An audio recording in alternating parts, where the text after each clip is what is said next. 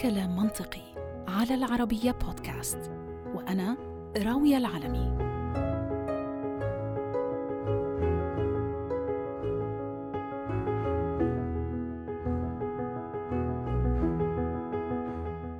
نزار قباني رحمه الله كان يقول أكثر الكتب مبيعاً في العالم العربي هي كتب الطبخ وتفسير الأحلام وهذا دليل على أننا شعوب نأكل وننام. ما رح أعلق على كلام نزار بس رح أضيف يمكن كتاب لقائمة الكتب الأكثر قراءة في العالم العربي وهي كتب الأبراج. وصلنا الآن لهذا الوقت من السنة لآخرها. وابتدأت حمى الأبراج تسري في عقول الكثير من الناس. المشكلة بتكمن في إنه الناس منقسمين لأولئك اللي بيؤمنوا بأنه قراءة الطالع أو الأبراج هي بالفعل حقيقة ولآخرين اللي بيرددوا مقولة كذب المنجمون ولو صدقوا.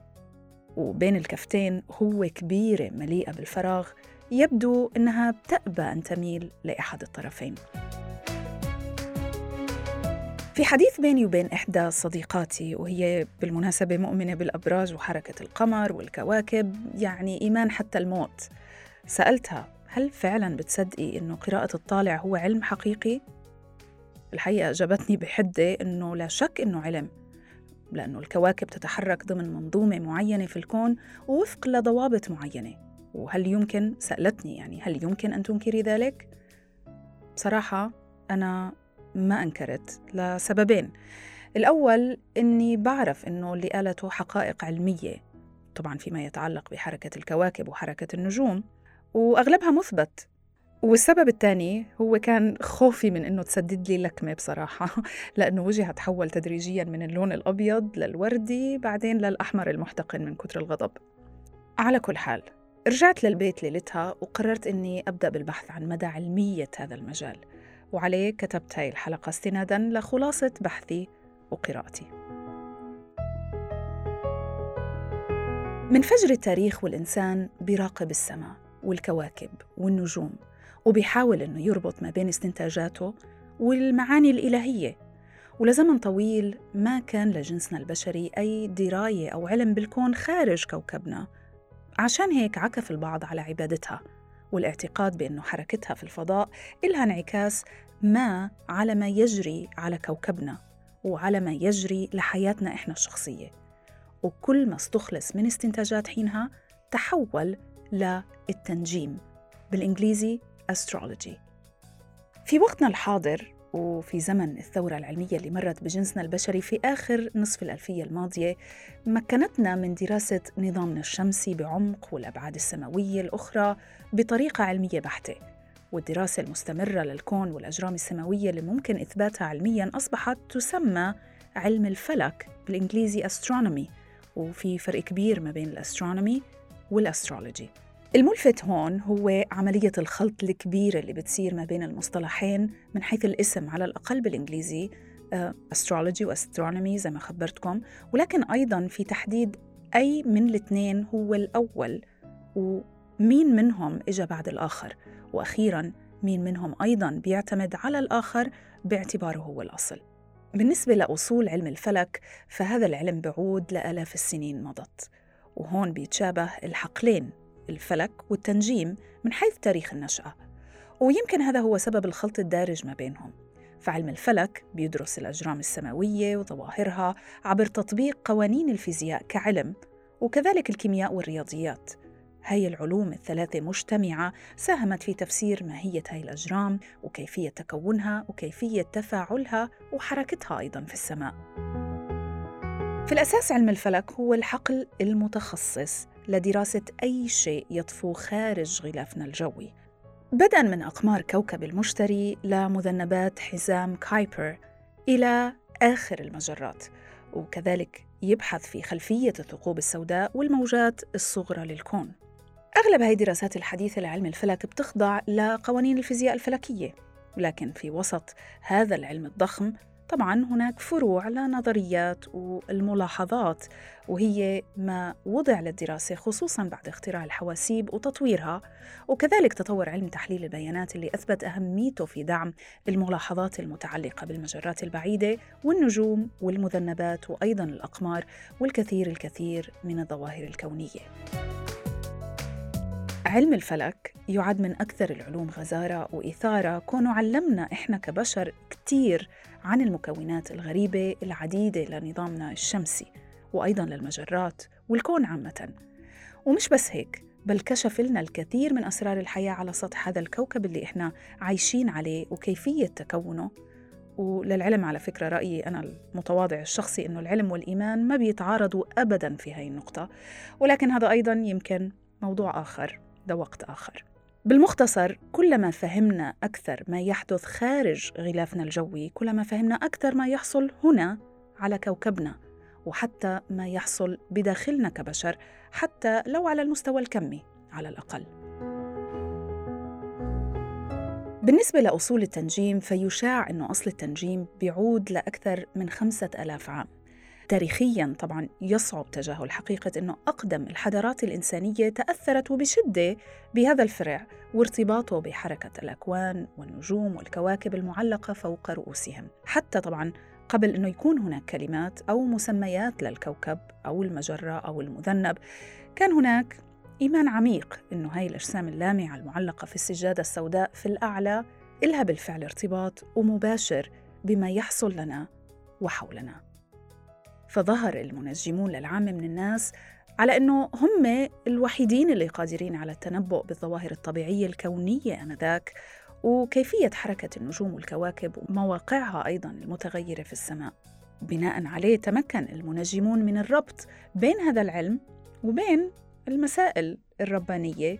عازيين الفضل طبعا في مواقف لأنفسهم وفي أخرى لآخرين مثل حكام وزعماء قبائل. التنجيم ارتبط ارتباط وثيق بما عرف وقتها بالأبراج وكذلك قراءة الطالع طالع الأفراد سواء كان يومياً أو أسبوعياً أو شهرياً وكمان بالصفات الشخصية للشخص بناء على البرج اللي ولد فيه.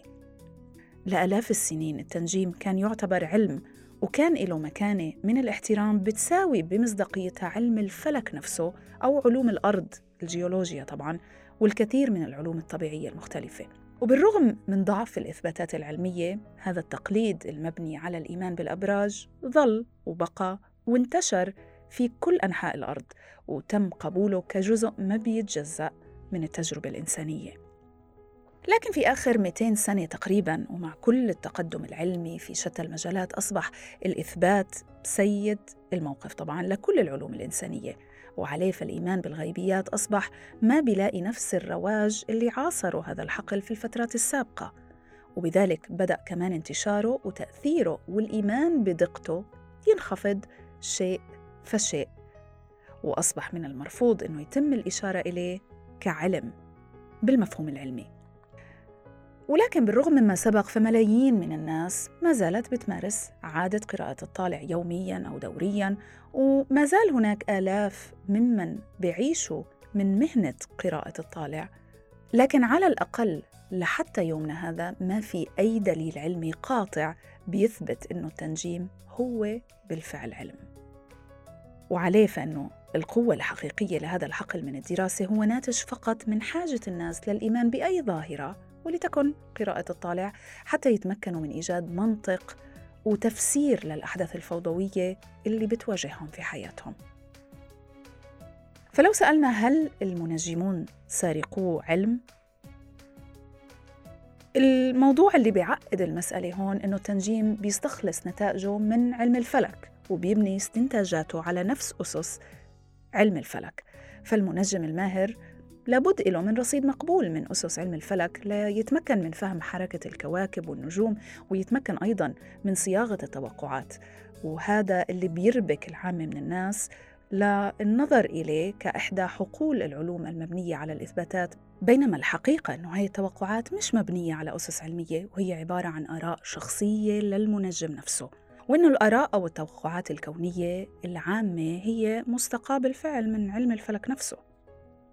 وبناء على تجربة شخصية اللي خبرتكم عنها في بداية الحلقة بنصح بالفعل الجميع إنه ما يخوضوا نقاش ما إذا كان التنجيم هو علم مثبت أم لا خصوصا مع الناس اللي بتؤمن فيه. فقد ما حاولت إقناع أحد المؤيدين مؤيدي هذا الحقل بالرغم من أي أدلة علمية بتقدموها لهم فأنتوا ما رح تغيروا رأيهم.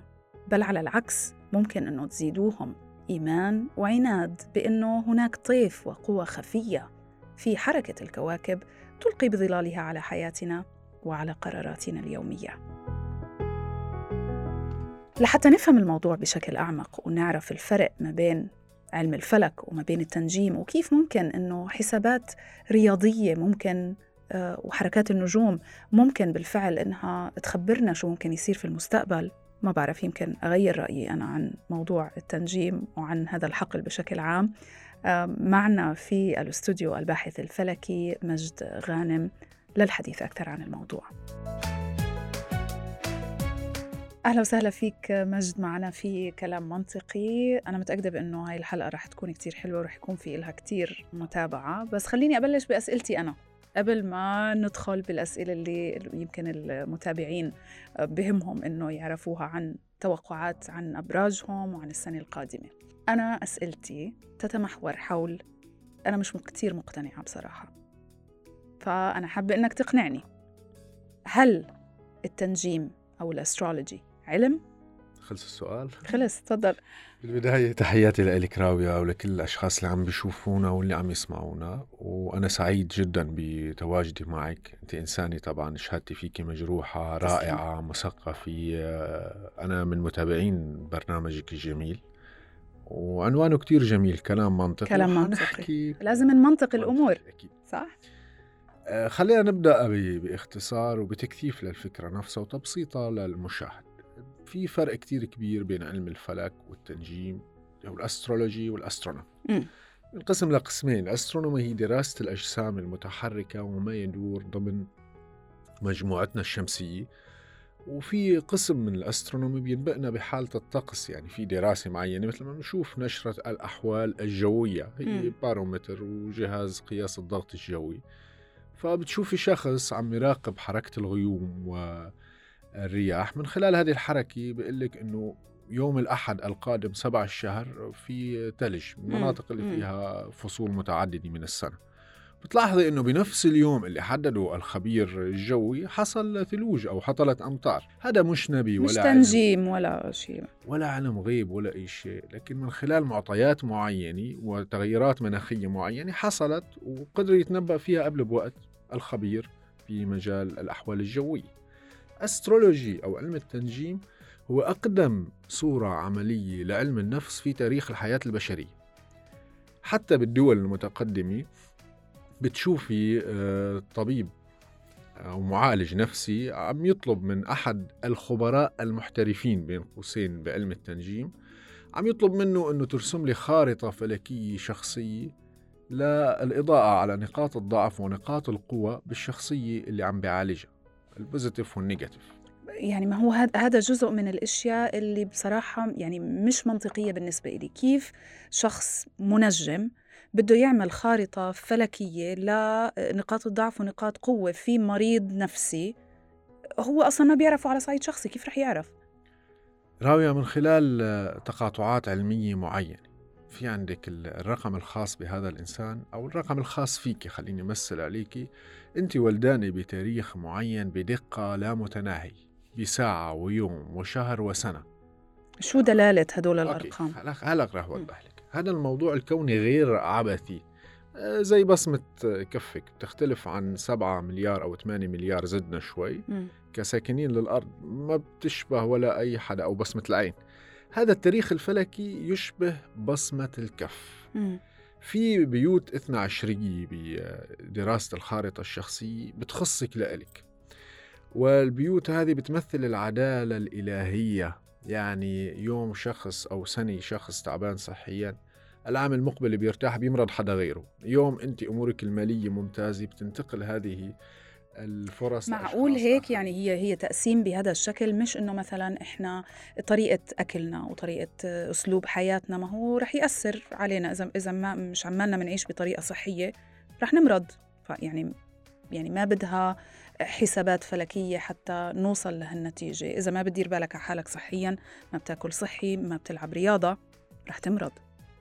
وفي أشخاص عملتهم كلهم تعرضت لأمراض صحية. هذا سؤال ممكن. ممكن جينات. آه، okay ومنين اجت الجينات في هناك ال DNA من ماما وبابا عادة. تمام. الخلفية دائما الإنسان بالعلوم الواعية أو العلوم الكونية. أنت شايفة أمامك شخص له حواس خمسة ورأس ولباس. هذا الشكل الظاهري لكن الخلفية العميقة هي مبنية على في أشياء كتير عظيمة خلفنا. في طاقات كثير كبيرة خلفنا منها طاقة الذبذبات الكهرومغناطيسية. نحن بشكل عام آه، راوية حكمتنا الشمس. الشمس هي القرص المشتعل الموجود وسط الزودياك. هي اللي بتقوم بعملية زودياك يعني الأبراج دائرة أو حلقة الأبراج. هي اللي بتمنحنا الطاقة هي اللي بتمنحنا عملية كلوروفيل التركيب الضوئي بالنباتات بتغذى عليه الحيوان والإنسان. شوفي الأهمية الكبيرة للشمس. يعني الشمس إذا بتروح 273 آه، تحت الصفر بتوصل درجة الحرارة. ظلام حقيقي وبرد ما بصدقه عقل. الأسترولوجي معتمد بالدرجة الأولى على الشمس. وشو الخصائص اللي بتمنحنا إياها؟ لحظة ولادتنا. يعني لحظة ما أنت بتولدي بتمنحك صفات مشتركة مع أشخاص لحتى تقدري تتعايشي معهم الاستقرارية والواقعية حسب تاريخ ميلادك أنت برجك الجدي. أنا برج الجدي نعم. لكن بتمنحك لمحة من خلال اسمك اسمك بيحدد نوع شخصيتك الاسم كمان؟ أكيد. مع أنه هذا الاسم اللي ممكن بعد يومين ثلاثة يتسمى الولد مش مش يوم ما يخلق. هذا الاحتمالات آه، في هناك أشياء احتمالية بعلم ال astrology اللي هي أنا في أغير اسمي هناك أشياء قدرية لحظة ميلادي ما في أغيرها أبدا okay. الاسم هو عبارة عن نبرات صوتية تتردد في الهواء م. فتصل إلى الأسماع تهتز لها النفوس طربا أو تنتفض منها رعبا. يعني تخيلي في أسماء أنت شخص ما بتعرفيه بتسمعي اسمه بتحسي حالك ما لك رغبة أنك تشوفيه. هو العرب القدماء أصلا كانوا يسموا أسماء أسماء أولادهم بأسماء تد يعني بتدب الرعب في في قلوب الأعداء. يا سلام مثلاً. عليك. هناك اسم بتحبيه وبتستسيغيه لأنه في طاقة للحرف ورقم. هناك حرف ناري حرف ترابي هوائي مائي. الأضداد يعني النار عدو الماء. ما فيك تركبي اسم وهذا بنختاره نحن بطريقة كتير مدروسة. مو إنه في أسماء سيئة لا. المقصود إنه في اسم رقمه خمسه يتوافق مع شخص ولد ب 10 9 من مواليد برج العذراء. رقم برجه خمسة. بدك تختار الاسم يتوازى ويتوائم مع طاقة الفرد إمتى ولد. بالرجوع لموضوع الأسترولوجي خلينا نشوف كيف كيف بيأثر علينا مم. أو كيف خلينا نمنطق نحكي بشكل خلينا بالضبط. إنه يعني هو معلش إذا بس عشان يعني المتابعين يفهموا سؤالي أصلا إنه أنا اللي مش قادرة أفهمه كيف ممكن حسابات رياضية لحركة النجوم والكواكب بساعة ميلادي أو حتى هلأ بعد يعني وأنا كبيرة ممكن تأثر على شو رح يصير معي أنا بهاي السنة. من ناحية صحية من ناحية مهنية من ناحية عاطفية. هذا اللي مش قادرة أفهمه بصراحة. أنا عم بفهم عليك. هلأ هي الموضوع هذا بحث كتير طويل ما بكفينا 20 حلقة فيه. بس م. أنا رح جاوبك بطريقة كتير مختصرة. خلينا ندخل بالزبدة يعني. أوكي. أكثر ناس اشتغلوا الصينيين الكلدانيين بهذا العلم. اللي اكتشفوا الكواكب إنه كيف بيأثر علينا وكذا كانوا يراقبوا النجوم ليعرفوا كيف يتجهوا. ما كان عندهم بوصلة وما كان مفهوم. عندهم تكنولوجيا. صح. لما بدأوا يراقبوها ويرقموها مثلا الشمس رقم واحد المريخ رقم تسعة القمر رقم اثنين المشتري رقم ثلاثة وهكذا الأرقام يسقطوها على البشر. أول شيء بدأوا فيها بموضوع الزراعة. م. وجدوا أنه لما القمر بيدخل على المجموعة النجمية التي تعرف ببرج العقرب الزراعات تصح. بيزرعوا بتاريخ تاني بتطلع الشجرة اللي عم يزرعوها بتطلع غير مختلفة. بعدين وجدوا إنه هناك كوكب الوجه المائل باتجاه الأرض أو الواضح أحمر اللون. كل ما يبزغ بدرجة معينة بصير في حروب وصدامات ونزاعات وطاقات كتير عالية من العنف عند الناس. سموه إله الحرب. آه الكلدانيين القدماء. هو المعروف اليوم بالمريخ كوكب الطاقة الأحمر بعدين تطورت يعني اليوم نحن عم نحكي في أجهزة بتوصل بالكواكب يعني وبتعطيك حركتها بدقة لا متناهية آه ليك راوية العلوم القديمة جدا مهمة مع احترامي للتكنولوجيا اليوم. لا ما إحنا بنينا عليها أصلا يعني بس هي يعني برضو عودة لما حكيت على إنه يعني كل هذا مبني على مشاهدات ملاحظات observations. فانتبهوا إنه لما هذه الظاهرة بتتكرر هذا اللي عماله بيصير يتكرر الحدث كمان أو ترجمته على الأرض. اللي بدي أفهمه كيف يعني شو شو حلقة الوصل ما بين المريخ وما بين الحروب على الأرض. هل هي طاقة معينة بيعطيها المريخ فبتخلينا أكثر عنف أو ماذا؟ أنا كنت بدي أفسر لك هذا الحكي دخلنا بالكيف تأثر وخليني أدخل معك كيف تأثر آه اليوم كلنا بنعرف حتى عامة الناس بيعرفوا إنه المد والجزر الحاصل بمياه البحار والمحيطات مرده للقمر. بالفول مون آه لما بيكتمل القمر بيأثر على الأجسام السائلة. أطنان كميات هائلة من مياه البحار بيسحبها ست ساعات مد وست ساعات جزر. يعني في جزيرة بفرنسا ما بتذكر اسمها. بفترة ال full moon إذا بتنسى حالك على الشط بتغرقي ال full moon بيأثر بالإنسان بطريقة أنه 85% من تركيبة أجسادنا هي سوائل صح. أربع أخماس من تكوينة المخ هي سائل فهو ما ما عامل focus على البحر بس يعني بيأثر بكل السوائل حتى بالمخلوقات بال القطة وبالكلب وبال... أنا عامل شوية أبحاث عن الأغنام مثلا كيف بيأثر عليهم تراجع الكواكب أوكي. على كل حسب درجات الوعي طبعا نحن عم نحكي أن الإنسان هو خليفة الله في الأرض وهو أكثر إنسان يعني امتاز بالتأثير فالتأثير مباشر بيكون أكثر شيء على الإنسان. آه، القمر بعتقد بالقرن السابع عشر كان في الليونيسي والقمر المجنون دخل بالقضاء يعني محامي الدفاع لما بصير في أي جريمة بيدافع عن المتهم إنه هو ارتكب كان في full moon full moon حتى بالأفلام ممكن بطريقة علمية أو إخراجية ما بعرف أنا غير باحث بموضوع الأفلام. تشوفي بيعرضوا صورة ال full moon وانه بيكون في نوع من الخوف والقلق في الليالي. فهي مثبتة آه، كيف ممكن تأثر على العلبة الدماغية حسب نظرية بافلوف إنه في 15 مليار خلية بالعلبة الدماغية اللي هي بنخزن فيها المعلومات وبناخذ قرارات. الذبذبات الكهرومغناطيسية التي يطلقها كل كوكب وتلعب دور هام في حياتنا اليومية هي مثل ذبذبات الراديو هلا كيف صوتنا عم يوصل للمستمع؟ energy يعني نوع من أنواع الطاقة. بالضبط كيف تليفون؟ بس جيبي أي حدا يفسر لك بالضبط إنه كيف صورتي صورتي بمكالمة فيديو عبر الهاتف عبر ال TV كيف عم توصل للمشاهد من ناحية تقنية ما. بشكل منطقي كذا ما في حدا يسقط غير حسب الإنسان عدو ما يجهل. لما بتبداي تبحثي طبعا للأسف وموضوع الثقافي بهذا المجال الشمولية ما كتير كبيرة عند غالبية الناس. حتى بإحدى العصور كان محرم علم التنجيم ويسمح له طبعا دون ذكر اسم أي عصر وعند مين يسمح له فقط لرجالات الدين على اعتباره هي علم سماوي فقط أنتم بتطلعوا عليه. له تاريخ وله اثباتات كثير كبيرة بتاريخ الحياة البشريه وفي نوع من هذا الكونكشن ما بين التنجيم ويعني زي ما ذكرت علم إلهي أو على الأقل يتعلق بمقدرة إلهية أو يعني قدرة خارقة نوعا ما. أكيد كل شيء وجد لخدمتنا يعني أتحسب أنك جرم صغير وفيك أن طول العالم الأسمى منه موضوع عبس إنه نجوم فوق بالسماء ما لنا علاقة فيها. أفضل مخلوق في هذا الوجود هو الإنسان. البحار اليابسة الكواكب. الشمس قد بعيدة عنا وقد بيسافر الضوء لحتى يحمينا ويعطينا طاقة. كل كوكب عنده وظيفة معينة. يعني طيب الأهرامات. أنا من نظريتي بس كيف مبنية يعني على ثلاث كواكب الزهرة والمريخ وعطارد؟ لحد الآن معجزة يعني قد إيه صاير أبحاث بهذا الموضوع؟ شو علاقة الكواكب بالإهرامات؟ شو علاقة الشكل الهرمي بالطاقة اللي ممكن تاخديها؟ لا هو واضح بأنه يعني الحضارة الفرعونية القديمة كانت في في اتصال وفي تعمق في في هذا العلم على الأقل كانوا يعتبروه علم التنجيم أو حتى علم الفلك يعني آه، وكانوا آه، أكيد أنهم آه، يعني يبنوا كثير من مبانيهم مثل الأهرامات وحتى خطط حياتهم بناء على هذا على هذا الموضوع. طيب خلينا نرجع هلأ إلا إذا لسه في كمان تفسير لل أنت أنا اقتنعت ولا ما اقتنعت؟ لا أنا عندي مثلا أنا أنا عندي هذا السؤال دائما. أنا بلاحظ بإنه في نوع من أنواع الصفات المشتركة بين الناس المولودين من نفس البرج.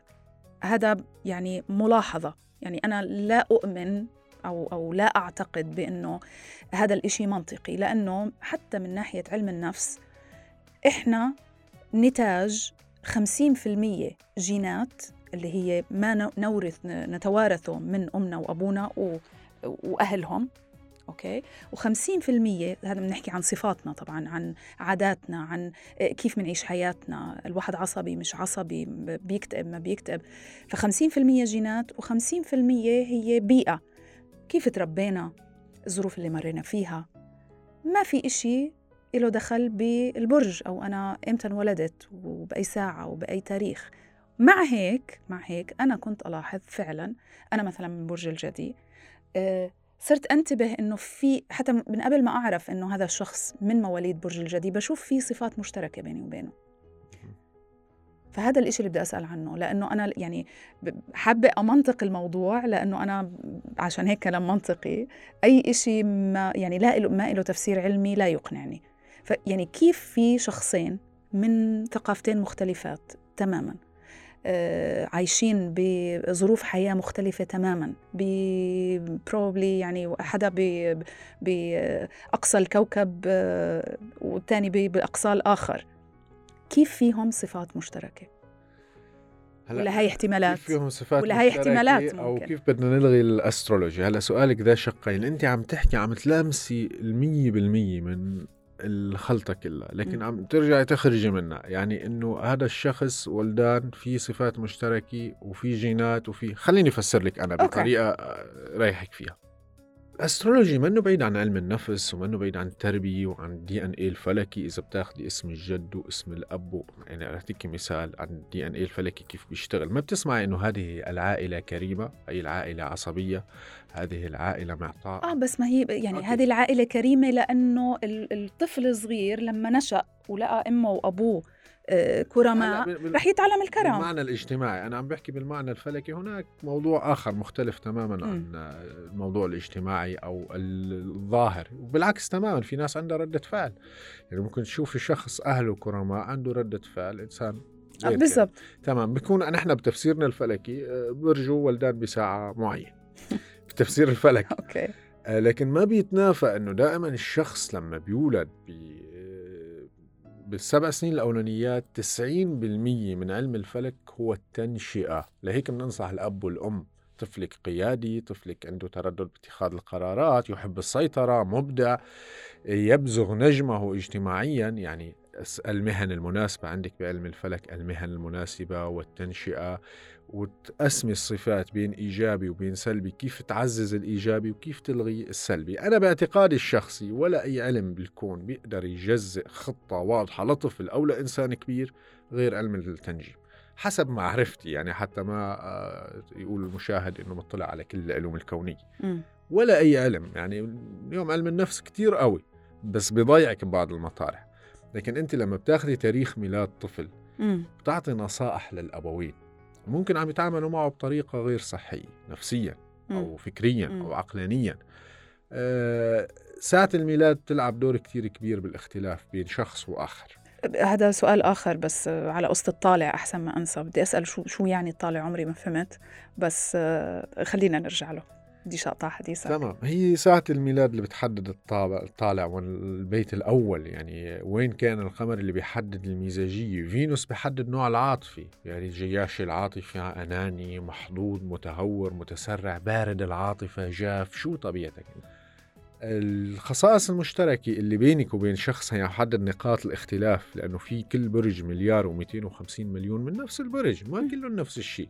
أكيد. واحتمال وفي من بعلم الاحتمالات أكيد في ناس رح يتشابهوا وناس رح يختلفوا. 100% فالأشياء المشتركة الأشياء المشتركة هي خصائص اللي بتمنحنا إياها الشمس. يعني غالبية مواليد برج الجدي استقراريين يصعب عليهم التغيير. مزبوط. لكن إذا بتشوفي واحد برج الجدي عنده المريخ ببرجه ساعة الولادة ومأخذ زاوية تثليث آه، مع عطارد كوكب الفكر والاتصالات وكوكب السرعة. بتنظري له كهوائي كجوزاء. ما بتقولي له أنت ما بتشبهني. في توزيعة كثير دقيقة وآلاف الاحتمالات بالفلك. فهذا فيعني عشان بس أفهم التفسير الصحيح بأنه الناس المولودين في نفس التاريخ وعلى حسب الطالع كمان اللي هو الساعة اللي انولدوا فيها آه، بيتأثروا بالطاقة تبعت الكواكب بحسب موقعهم في السماء في هذيك اللحظة. صح؟ هذا خارطتهم الشخصية. أوكي. بنفس الوقت ذكرت لي مثلا إنه فينوس آه، كوكب فينوس هو مسؤول عن العاطفة. قبل شوي حكيت عن المريخ بإنه آه، إله الحرب سموه أو يعني ممكن يثير آه، العنف في نفوس الناس. مين اللي قرر هذا؟ هل هذا بناء على المشاهدات اللي حكينا عنها في البداية؟ ولا مين اللي قرر إنه هذا الكوكب هيك وهذا الكوكب هيك؟ على آلاف السنين من التجارب والعصور. م. يعني أنت إذا بتعرفي مثلا نعطيكي مثال بالتاريخ. أنا ما بدي زج الموضوع التاريخي آه، أنا بحسه بفيد المشاهد بس في أشياء أكثر ممكن بتفيده. أنا هي اللي هو هن عم يستنوا أصلا. إيه. آه كريستوف كولومبوس كيف اكتشف أمريكا؟ فكرها الهند ما هو. كيف اكتشفها؟ لما أجوا غلط بالطريق؟ لا لا لا أجوا ليحاسبوه يقتلوه كانت مجموعة من الناس عايشة بالأدغال وبالغابات و... مزبوط قال لهم أنا عندي رسالة سماوية. فهو كان على خبرة بعلم الأسترولوجي وبيعرف ايمت الأرض بتحول بين الشمس والقمر اللي هو خسوف القمر. فقالوا له اثبت لنا إنه أنت نبي. هو لا نبي ولا شيء. قال لهم هلأ حاخفي لكم القمر. بيوم الخسوف انتظروا لليل ما في قمر. آه فصدقوا. صدقوا وحموه قال لهم بكرة كونكم أنتم كنتم هاي الفكرة نفسها على فكرة. ما هي التاريخ لا هي اللي خطرت في بالي أصلا وأنا عم بعمل بحث بأنه أكيد أول واحد حول علم الفلك لتنجيم أو يعني تطبيقه لتنجيم كان عبقري. لأنه هو اكتشف إنه آه والله في هذا النوع من أنواع الاتصال لما القمر بيكون هيك أو الكواكب بتكون هيك ممكن يصير في زلزال ممكن يصير في كذا. واستخدم هذا الشيء لأنه يقنع الناس إنه هو عنده قوات خارقة. ومن بعديها صار علم يمكن. طبعا هذا الحكي من آلافات السنين يمكن صار. بس هيك تهيأ لي المشهد إنه فعلا كان واحد عبقري أول واحد بلش بهاي الفكرة. هلا أكيد إذا عم نحكي عن ناحية ال... إنه أنا بدي أقرر أستفيد من هذا العلم أو بدي أقرر ممكن أبحث فيه آه، بين مؤمن أو مكذب. م. أنا ب... ب... باختصار اللي دائما اللي بحكيه باللقاءات إنه دائما الشخص يتابع آه، أموره الفلكية باحتراف. يعني هالقمر عم ينقل على برج كل يومين وست ساعات بي... بيدخل م. على مجموعة نجمية التي تسمى برجا وبيعطي طاقة معينة. إذا شافها ماشي معه وعم تزبط على مدة أشهر يعني معناها هذا العلم مزبوط. إذا ما عم تزبط معناها لا هو يفضل إنه يتبع اختصاص آخر. يعني بالمراقبة والمشاهدة one by observation طيب منيح وصلنا هون ل أعتقد الفقرة اللي بيستنوها المتابعين مشاهدينا ومستمعينا. التوقعات ل 2021 للابراج المختلفة. عندنا 12 برج. إيه ما بعرف نبدأ ببرجي ولا ننهي فيه؟ هلأ برجك العاشر هو الجدي العاشر. أوكي. نبدأ بالحمل نختم بالحوت. خلينا نبدأ بالحمل. نعطي حقه للجدي. هلأ آه نحكي بالبداية إنه 2022 هي سنة الحظ بالدرجة الأولى لمواليد برج الحوت يليها السرطان ثم العقرب ثم الثور ثم العذراء ثم الجدي. وتابعي ترتيب الأبراج على هذا المنوال. أنا آخر شيء طيب إذا هيك. لا برجي آخر شيء لسه في الجوزاء في الميزان في الدلو. أوكي. يبقى لكن بالدرجة الأولى كونه كوكب الحظ والتفاؤل المشتري موجود في برج الحوت فهن عندهم إنجاز. هلأ حنحكي عنه بالآخر. أوكي. طبعا عام 2022 أي شخص ولدان بستة أو 15 كونه مجموعة ستة اليوم السادس يعني من الشهر أي شخص ولدان بستة أو 15 أو 24 من أي شهر وشو ما كان برجه بيكون عنده إنجاز خلال العام المقبل. أوكي. السنة جميلة على كافة الاتجاهات اللي بدي أحكي عنها. ما بعرف قد إيه في يفوت اعمق أحكي يعني إحنا ما بدناش نطول كثير على المشاهدين عشان نلحق نحكي أبراج. عن كل الأبراج ونحكي عن التوقعات بشكل عام كمان للسنة الجديدة. فهيك نعطيهم رح أختصر رؤوس رح أختصر. رؤوس يعني هي سنة السلام على الصعيد الدولي. عن جد؟ اي أي دول في بينها خلافات تجتمع على طاولة حوار المناطق الساخنة أيضا بصير فيها مفاوضات. على الصعيد المناخي عندنا شوية كركبة ما بدنا نحكي فيها كمان. يعني مع الصعيد السياسي بما إنه أنا مذيعة أخبار يعني ما شايفة المؤشرات مش بتش ما بتشير هيك طمنتنا على الأقل يعني. إيه السنة لا أنا عم بحكي بصير في مفاوضات يعني هي رقم ستة بتعطي هيدا الطاقة. أيضا أي دولة أي فرد بده يقيم حفلات سنة الغناء الرسم الفنون المهرجانات بتكون الأمور كتير إيجابية. أي شخص عنده حلم مثلا صوته حلو ما كان عم يصطدم بعقبات ما عم يقدر يوصل. لحلمه فنان رسام هاي السنة غالبا بيتحقق حلمه خصوصا إذا كان من الأبراج اللي ذكرتها الحوت العقرب السرطان الجدي خلال عام 2022 لكن عندي فترات هون إذا في نوه عنها ما بعرف أنا ما بدي أدخل أعمق إذا ما سمحتي لي. لا آه، تفضل. أنا عم بحكي باقتضاب بس في عندي هون فترات بنسميها فترات سلبية. يعني خلال الفترات 2022 أنا شرحت السنة المبادرات المصرية واحد بيسافر لأول مرة مثلا. بيتزوج أو آه، بده يفتتح شركة أو عمل كتير كبير يأجله خلال الفترات كل الناس. من من كل الناس الأبراج ما حدا ما. حدا يبلش شيء جديد يعني آه،. آه، على الصعيد المهني قصدك ب 2022 مثلا من 13 واحد ل 4 2 يجب عدم القيام بأي خطوة جديدة أمور المصيرية اللي عم بحكي فيها أنت. ولا بدك تفتحي شركة كتير كبيرة على صعيد انترناشونال يفضل خلال هاي الفترة ما تقومي فيها أوكي. لبعد 4 2 أيضا عندنا تراجع الزهرة من 30 واحد أو لغاية 30 واحد كوكب الحب والجمال والعاطفة اللي كنا عم نحكي عنه. مم. عمليات التجميل النساء يفضل يبتعدوا عنها لغاية 30 واحد. أيضا الأمور العاطفية أي علاقة عاطفية ضعيفة بتنقطع أما إذا كانت العلاقة العاطفية قوية بيتخللها بعض المشاكل. هون بدهم يكونوا الشركاء من كل الأبراج أكثر وعي أثناء تصريف أعمالهم مع الشريك.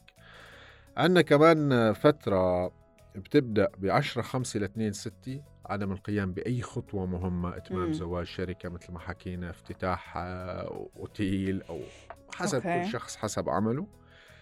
وآخر تراجع من 10 9 ل 2 10 هذه بنسميها بشكل عام الفترات الغير صالحة للمبادرات الكبيرة.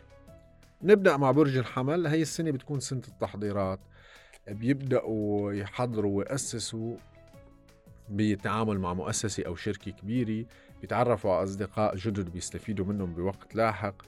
أيضا آه، بخصوص السفر أو تغيير آه، مكان الإقامة الفرصة بتكون كثير مهيئة. على الجانب العاطفي تتم خطبة مواليد برج الحمل ليتم زواجه في السنة المقبلة. بشكل عام الأجواء إيجابية. لكن تحذيرات ونصائح لمواليد برج الحمل يجب عليهم دراسة ميزانيتهم جيدا خلال النصف الأول من العام.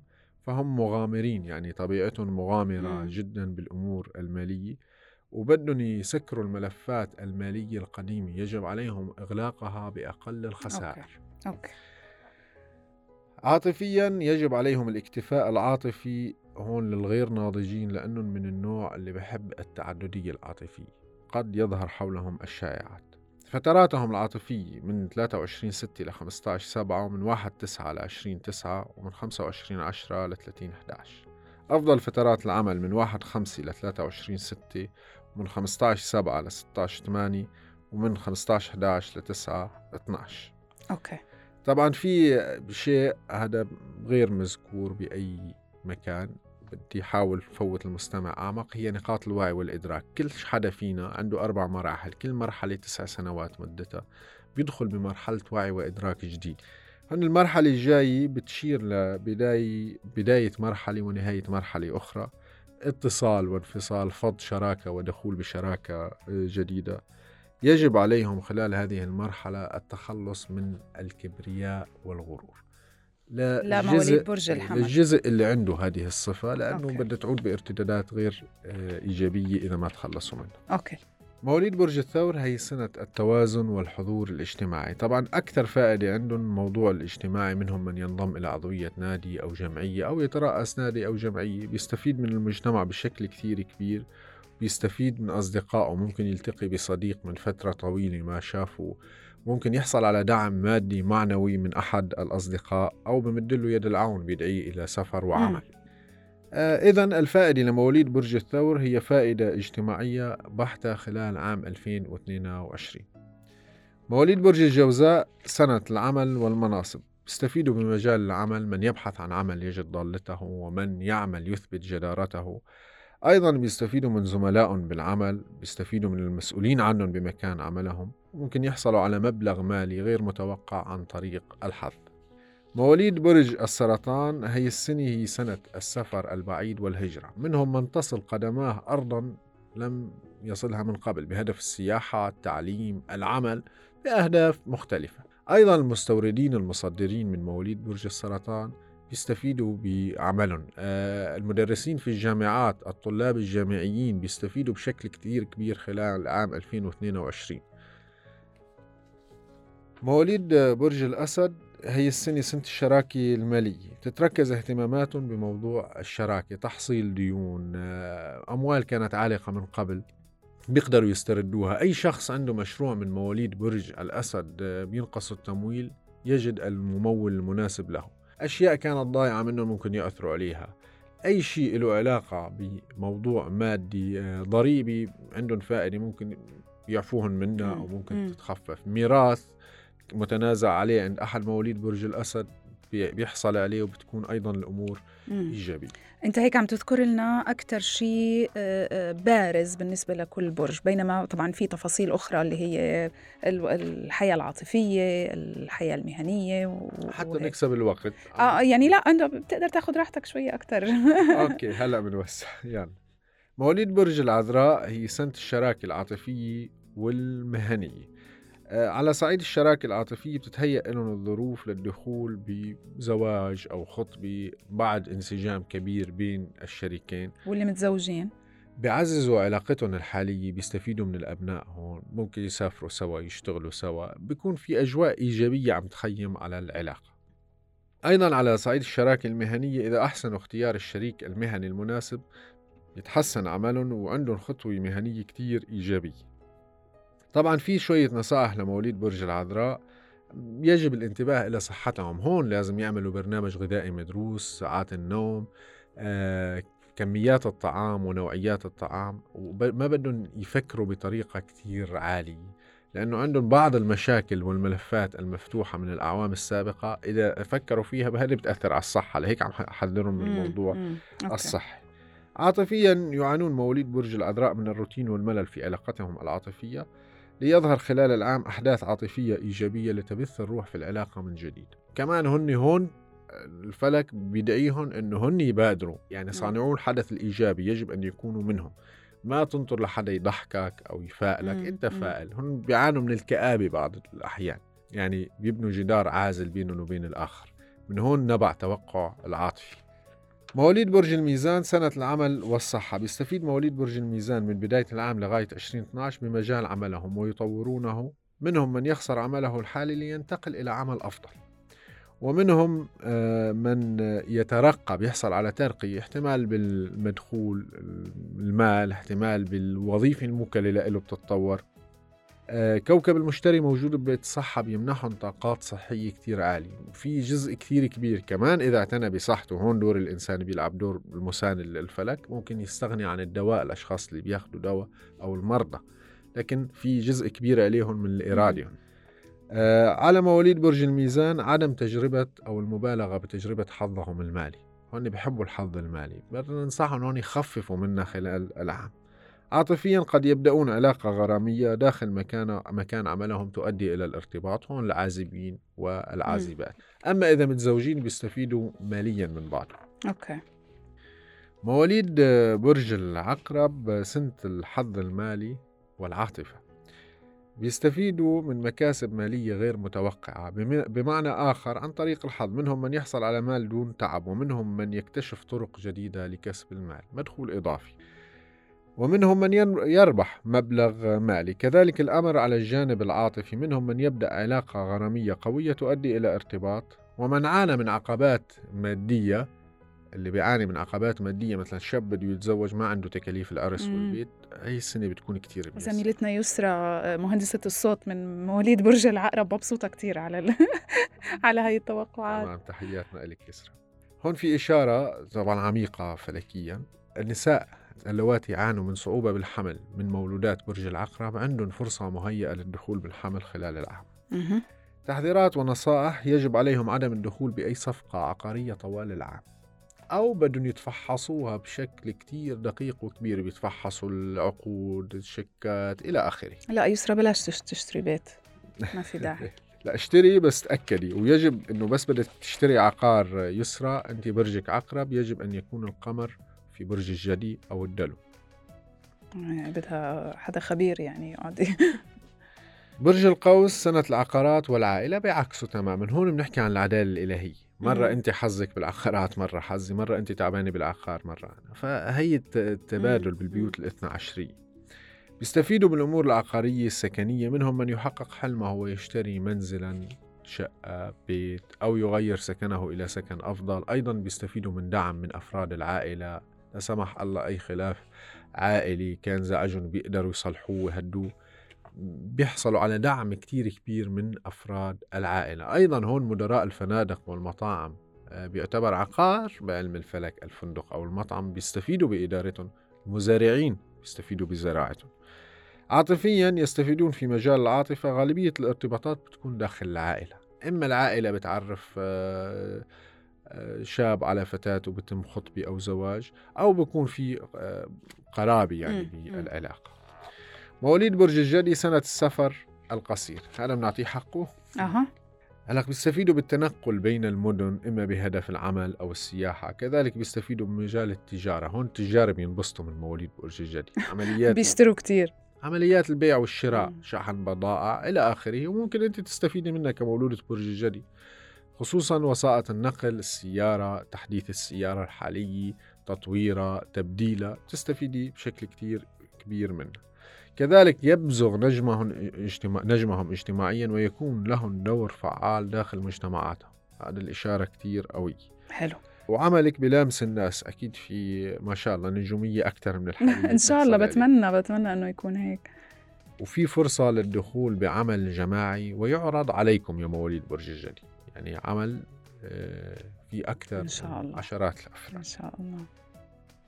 طبعا النفقات المتصاعدة عم بيعاني منه مواليد برج الجدي وممكن عم يلتزموا بمصاريف ناس إضافية أو عم يتكفلوا بمصاريف أشخاص إجبارية حتى نهاية العام يجب وضع جدول لميزانيتهم ومحطات ادخار بل إنه ينتبهوا من إقراض أو كفالة شخص المال غير موثوق. خلينا نبعد عنها شوي هي الإشارة. لكن هناك فرصة مالية أيضا إما فوق أو تحت بدنا ننتبه لبعض وضع محطات ادخار عاطفيا طبعا غالبية علاقاتهم العاطفية تأتي بالصدفة خلال سفر قصير ونحن لما بنحكي بشكل عام هي، طبعاً. لما بنحكي علاقات عاطفية هون العازبين أو العازبات أكيد طبعا آه، وعم نحصر الفرصة بدقة وين ممكن تكون وهلأ أنت رجعي رجعي اعملي search لو عم نختصر لو عم نحكي بتوسع أكثر رح تشوفي قد إيه عم. تزبط أوكي. search على أوكي مواليد برج الدلو سنة المكاسب المالية. طبعا هي السنة بتكون آه، مبشرة لهم بالمكاسب المالية من ناتج أعمال قاموا فيها بالسابق. قسم منهم يسترد ديون كانت عالقة. آه، أي شخص مولود برج الدلو كان مضيع شيء بيرجع بلاقيه بيحصل عليه. كان عم بواجه صعوبة بتحصيل الديون بيحصل عليها. أي شخص من مواليد شهر واحد من برج الدلو عنده فرصة للحصول على هدية ثمينة. لحد كثير كبير هي سنة المكاسب المالية. حتى في قسم منهم يعثر على كنز خلينا نقول يا نصيب. هي كل 12 سنة بتجيهم مرة لمواليد برج الدلو هذه المكاسب. أوكي. عاطفيا شهر ثلاثة وأربعة ستكون أفضل فتراتهم العاطفية لتعزيز علاقة نالها بعض التوتر والباب مفتوح للارتباط أو الدخول بعلاقة عاطفية رسمية وجدية. أخيرا برج الحوت. برج الحوت. أحسن واحد وأكثر واحد مستفيد من عام 2022 آه. يا بختهم.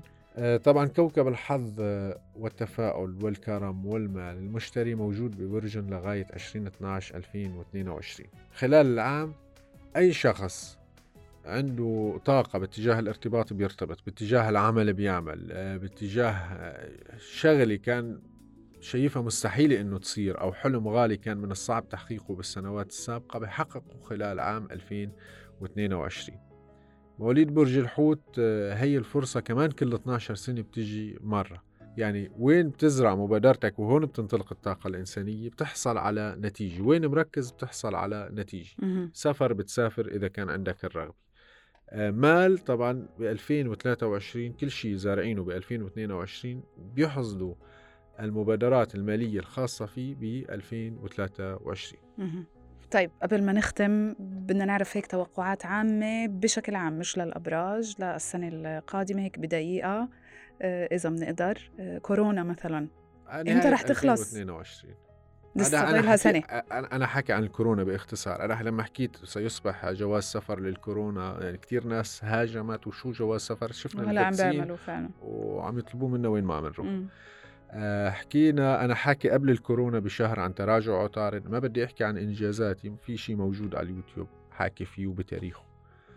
هلأ أنا عم أقول لك عندنا موضوع المناخ. حاكي عن المناخ بدأوا يسوقوا له يعني. رح يصير في كركبة السنة الجاية إيه، من ناحية حاكي المناخ. عن لوس أنجلوس تتصدر نشرات الأخبار. امبارح عم تحكيني إحدى الإعلاميات هي اللي كانت عملت معي هذا اللقاء كمان. هلأ نحن الكورونا والقصص هي حاكي إنه بده يظهر شيء أحدث من الكورونا الأوميكرون اسمه. أوميكرون. هذا قبل قبل. هلأ آه. راح مشيكي مرحلة منشان إذا رجعنا التقينا أقول لك شو قلت لك. أوكي. نهاية 22 خلص. إيه كورونا رح بس حنفوت على شيء اسمه المناخ يعني.